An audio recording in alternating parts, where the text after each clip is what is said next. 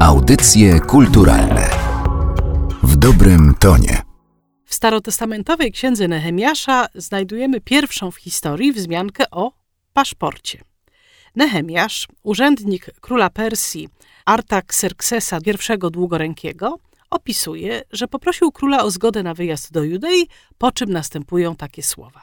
I rzekłem królowi, jeśli to odpowiada królowi, proszę o wystawienie dla mnie listów do namiestników Trans-Eufratei, aby mnie przepuścili, aż przyjdę do Judy.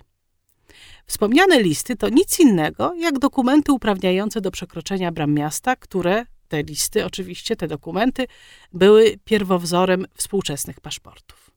W języku francuskim, w którym powstało słowo paszport, a właściwie to słowo brzmiało passeport, istniał czasownik passé, znaczący przechodzić, przekraczać, on istnieje w niezmienionej postaci do dzisiaj, oraz rzeczownik port, pisało się to port, tak jak nasz port, który oznaczał miejsce, przez które się przechodzi, czyli po prostu bramę, przejście.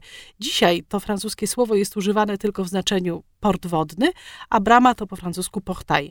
Podobny charakter ma też słowo la porte, oznaczające drzwi. A więc passeport to był pas, passé, czyli przechodzić, plus port, czyli brama jakaś, miejsce, przez które należy przejść. W każdym razie ta budowa słowa paszport wskazuje na to, że był to dokument uprawniający do przejścia przez bramy miasta.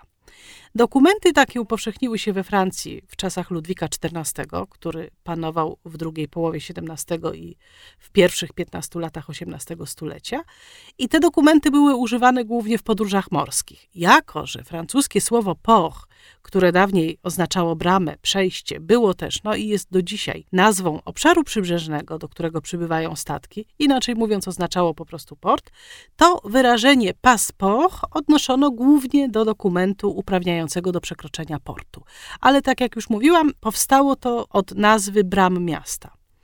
Dziś oczywiście możemy się przemieszczać drogą morską, lądową czy powietrzną, a aby wjechać do jakiegoś kraju, czasami potrzebujemy wizy.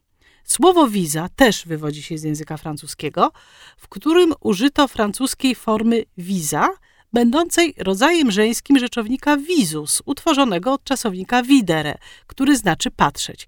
W łacinie istniało wyrażenie karta visa, znaczące dosłownie obejrzana karta, sprawdzona, no jakby sprawdzona wzrokiem karta, sprawdzone papiery, sprawdzone dokumenty. No i właśnie to jest ta nasza wiza.